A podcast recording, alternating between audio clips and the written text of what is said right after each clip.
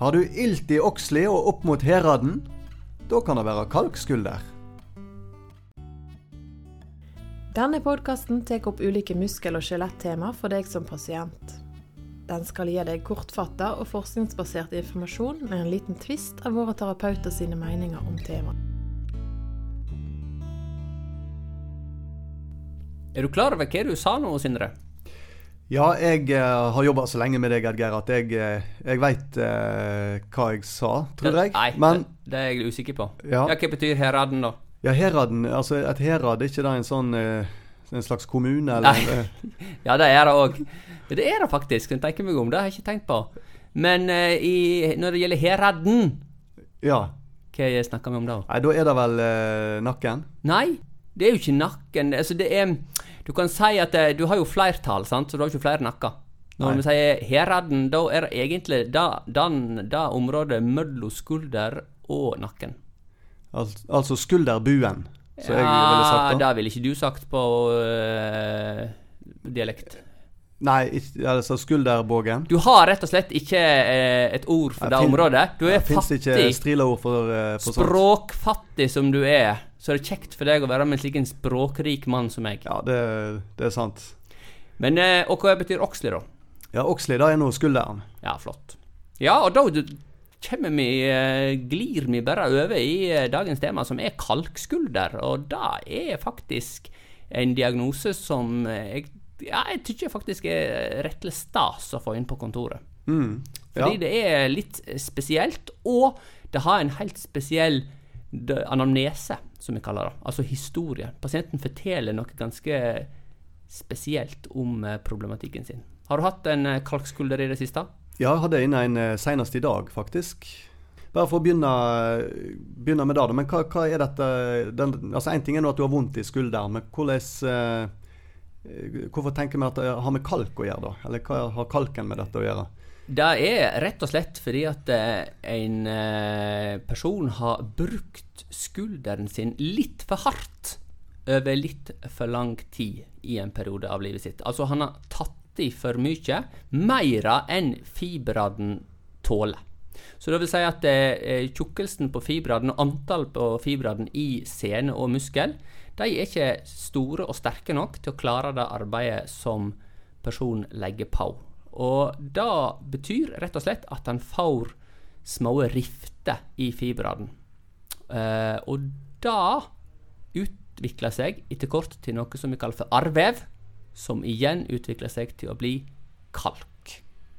Det er, ja, det er en slags eh, kalkkrystall da, som eh, krystalliserer seg i som regel i ei sene.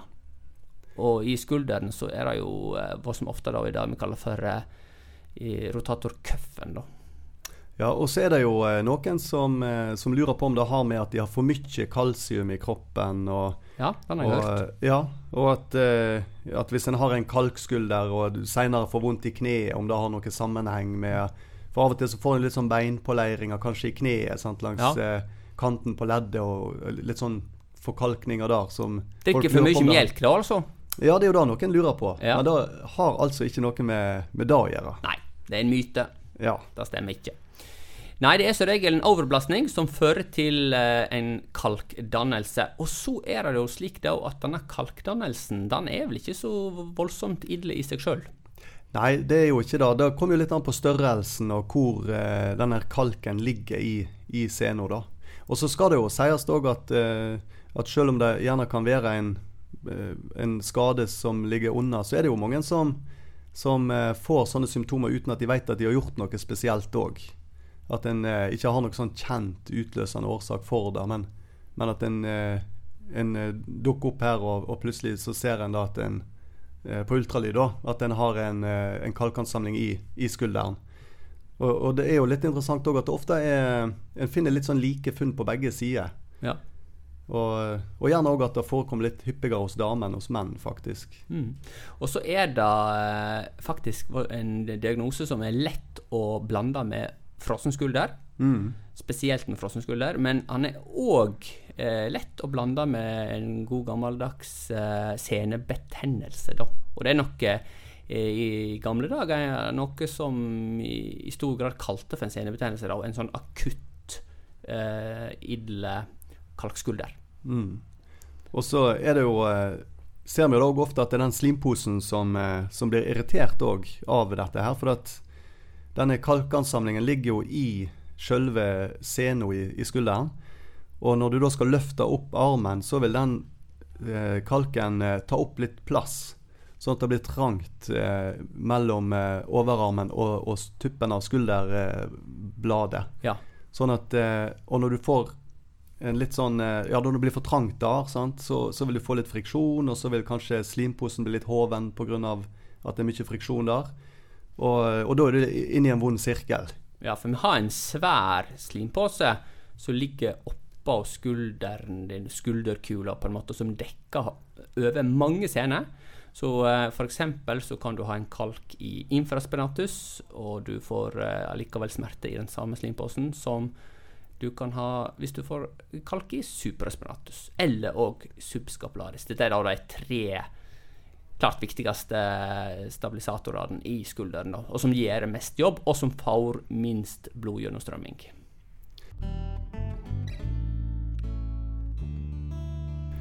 Men hva vil du si at eh, en eh, pasient som kommer inn på kontoret ditt, sier? Hva, slags, eh, hva forteller en slags historie? Ja, ofte så er jo dette her folk som eh, kanskje har gått eh, rundt og hatt litt verk i skulderen over en lengre periode. Ja, litt murring, liksom? Litt murring, ja. Det, uten at det egentlig har plaga veldig mye.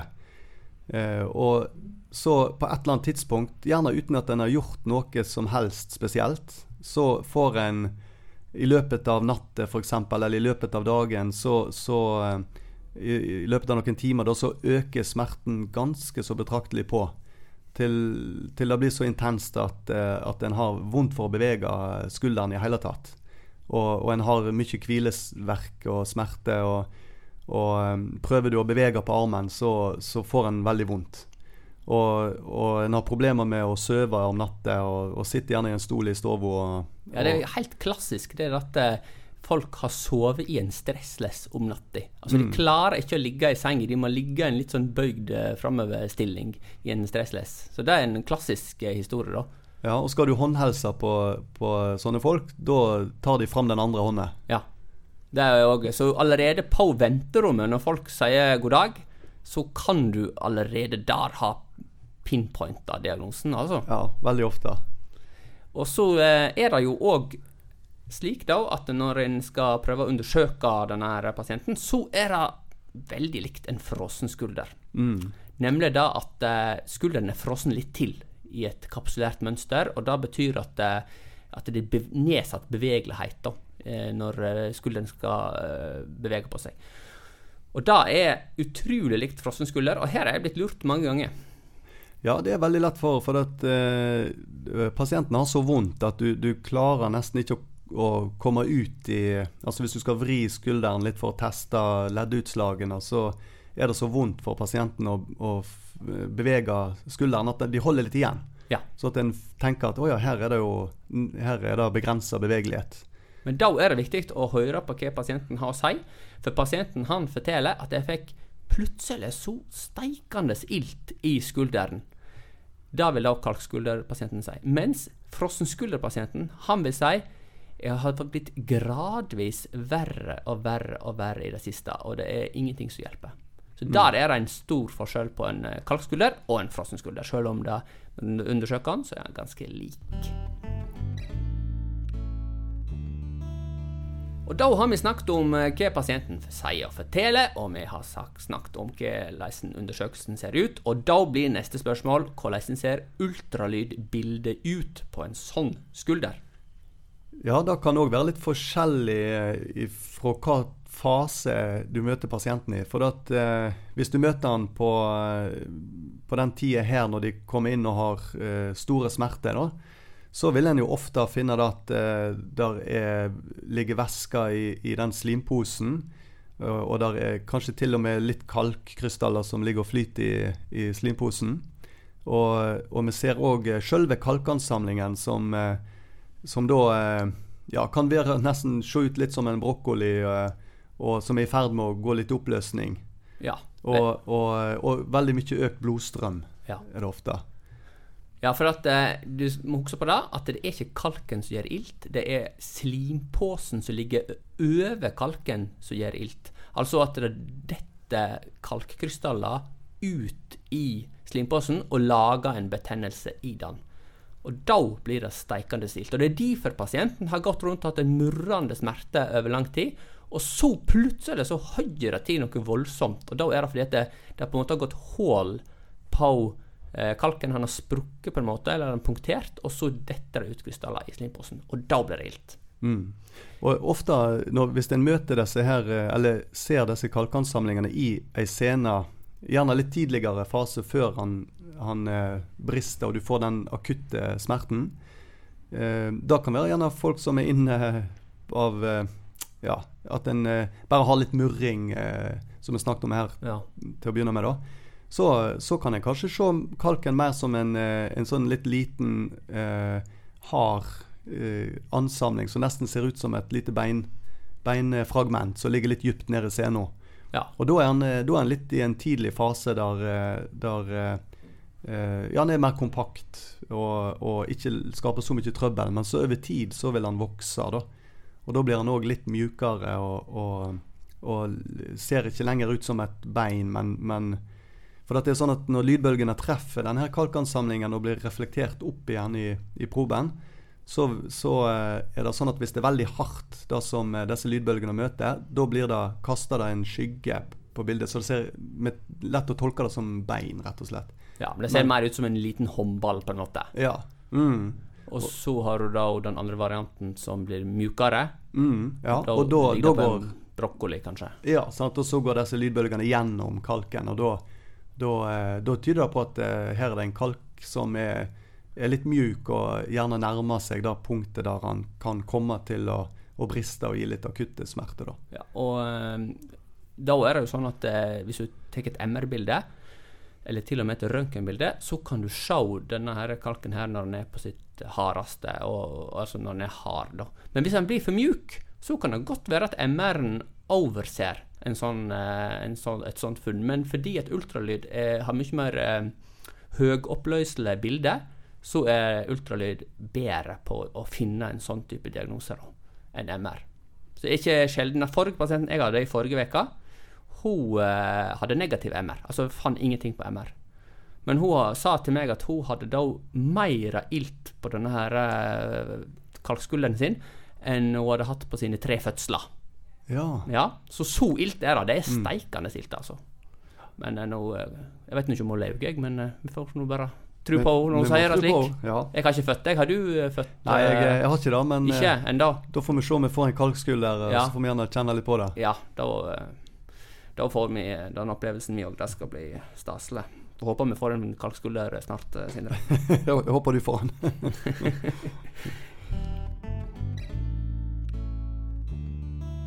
Hva er en eh, slimpose da, som egentlig lager den voldsomme smerten som uh, eh, pasienten min beskrev så treffende? Ja, en slimpose det er akkurat som en litt flatklemt ballong med et væskesjikt inni. Og dette er en, eh, en struktur som vi ofte finner mellom eh, forskjellige muskellag, eller mellom eh, beinutspring og, og muskellag. Og eh, oppgaven til en sånn slimpose er jo å hindre friksjon. Sånn at ting skal gli godt og, og ikke skal bli betent og vondt. da. Og av og til så kan jo disse bli utsatt for overbelastning likevel. Og, men akkurat i dette tilfellet så vil det jo handle mer, eller kanskje mest om at, eh, at denne slimposen blir betent fordi det kommer kaldkrystaller inn i, i slimposen. Og da, da, blir, eh, da blir det veldig betent og irritert. En kalkbrist, det er jo kalken som brister ut i slimposen, og som gir disse voldsomme smertene som hun, eh, pasienten min beskrev så treffende. Eh, Men det betyr jo egentlig bare at kroppen reparerer den eh, kalken som i utgangspunktet var ganske hard, og så blir den mjukere og mjukere, og så brister den ut i slimposen, og så får du ekstrem smerte. Men er det da egentlig noe vits i å behandle dette her, hvis kroppen allerede er i ferd med å reparere? Ja, jeg, jeg tenker jo da at eh, en, en kan jo En kommer jo gjennom det uten behandling òg. men at eh, det vil gjerne ta noen uker før, eh, før ting begynner å roe seg. Og, og det er ganske intenst eh, de første, første perioden, da. Sånn at eh, jeg tror jo de fleste vil takke ja til, til behandling i en sånn fase, da. Ja, så har du hatt en steikende idle skulder en gang i tiden som du kan huske på, eh, som var voldsomt ille en uke eller to, og så gikk det over, så er det sannsynligvis en kalkskulder du har hatt med en brist i kalken. Ja, det kan det veldig gjerne være. Og, og for noen så går jo ikke denne kalken helt i oppløsning heller, sånn at det tar litt tid før det, det forsvinner, eller før smerten roer seg òg. Mm. Hva finnes det av behandling, da? Nei, Det kommer jo litt an på når fasen en gjerne kommer. sant? En mer, hvis en kommer inn eh, helt tidlig der en bare går og kjenner på litt murring, og sånn, så er jo trening er jo alltid noe som vi anbefaler. da. Og prøve å styrke opp og normalisere eh, funksjon og bevegelighet. og og kroppen har godt av å, å være i bevegelse og, og, styrke, og trene styrke. Sånn at, ja, for du er jo litt for svak i utgangspunktet? Ja, ofte så er det jo eh, Ja, og så er det litt av at uh, har du litt murring og vondt over tid, sant, så kan det jo føre til at du skåner skulderen litt, og at du blir svakere. Sant? Mm. Og, og, at smerte er med å slå ut styring og kontroll på en skulder. da. Så, så, det med trening er veldig viktig, da. Ja, så I tidlig fase så er det mest treningsaktuelt. Hva med i senere fase, da, når kalken er blitt mjukere? Ja, da, da er jo òg Sånn som trykkbølge bruker vi jo en del òg. Gjerne i en tidlig fase, og da vi prøver å få kontroll på smerten. Og, og hvis den er kommet i veldig, ja, en fase, litt senere fase der ting eh, holder på å briste, så, så kan en gå inn og, og gjennomføre sånn kalkskyllingsprosedyre. Og da, da får en først eh, en, ei sprøyte med litt kortison, og så, ja, som en setter inn i, i, slimposen. Ja, for det er vel en slags uh, rens... altså, Da får du en skikkelig smertelindring. Ja, da, får, ja, da vil pasienten bli veldig mye bedre veldig kjapt. Og så, eh, når det har gått noen dager der kortisonet har begynt å virke, så kan en eh, gå inn med, med ei sprøyte med bedøvelse i. Og så går en inn i selve eh, kalken, og så tar en rett og slett og pumper opp trykket inni den kalkansamlingen. Og da eh, kan en òg få tappa ut eh, kalk av, eh, av kalkansamlingen. Ja, Så da styrer du rett og slett eh, nålespissen inn i denne herre la oss kalle det en håndball. Mm. Eh, og så presser du da litt saltvann og litt bedøvelse som er blanda i sprøyta, inn sånn at det blir et overtrykk inne i kalken. Og når du da slipper stempelet, så vil det da komme ut igjen litt av det overtrykket du har, har skapt, og så vil det dra med seg kalkkrystaller. Og sånn kan en på en måte klare å skylle eh, kalken. Det er vel akkurat det samme som blir gjort når en skal utvinne olje på, eh, på, i Nordsjøen. Da pumper en da saltvann ned i borehullet, sånn at det blir et overtrykk. Og når du da slipper opp det trykket, så vil det da olje komme opp. Mm. Ja, det er vel en god uh, sammenligning, som sikkert uh, mange forstår. ja. Det er jo uh, I hvert fall våre venner i Equinor ja. forstår dette her. Ja, sant. Med en sånn type behandling så kan en jo avbryte den episoden, eller gjøre at en unngår å få en sånn ubehagelig opplevelse med at en får en voldsom, intens smerte som kommer litt ut av det blå. da. altså selve kalkbristen. Ja. At en kan unngå ja. den episoden da. Ja. Det er jo eh, i utgangspunktet en voldsomt eh, skånsom og fin måte å bli kvitt dette problemet på. Eh, men etter at en eventuelt har fått gjort unna en sånn kalkskylling og en har fått ut litt kalk, for en får jo bare ut ja, 10-20 av, av, kalken. Resten vil vel kollapse eh, som følge av at du har stukket hull på, på, kalken, da. Og så vil kroppen eh, ordne opp resten. Men du er vel fortsatt like svak i senestrukturene? Ja, det er ikke sterkere denne behandlingen her. Nei, sant? Du, du blir jo ikke det. Sånn at uh, en kan uh, gjerne gi, klare å avlaste trykket litt grann der, sant? Og, og lage litt bedre plass når du skal bevege på skulderen.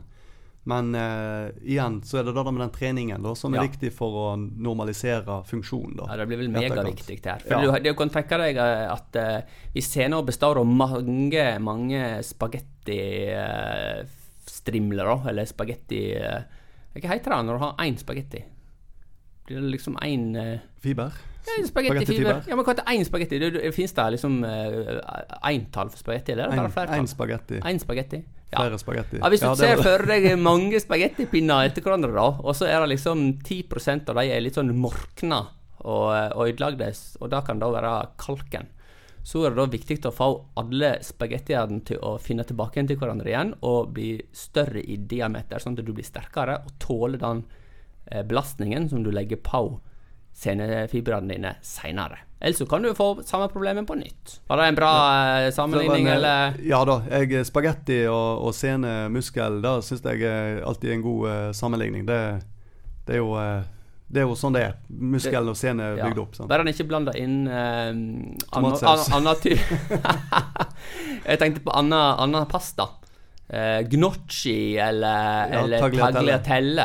Da blir det bare rot i denne her. Vi må holde oss til spagetti. Ja, jeg tror det. Ja. det er, og gjerne fullkornsspagetti. Gjerne Det høres det best ut. Ja, men det er faktisk sant. Du, eh, eh, kalkskulder. Eh, lett, litt lett å overshow på eh, MR, og i hvert fall på røntgen. Veldig bra å finne på ultralyd. Eh, det er ofte noe som inntreffer rent sånn smertemessig litt sånn akutt, og ikke gradvis. Men det ligner veldig på en frossen skulder.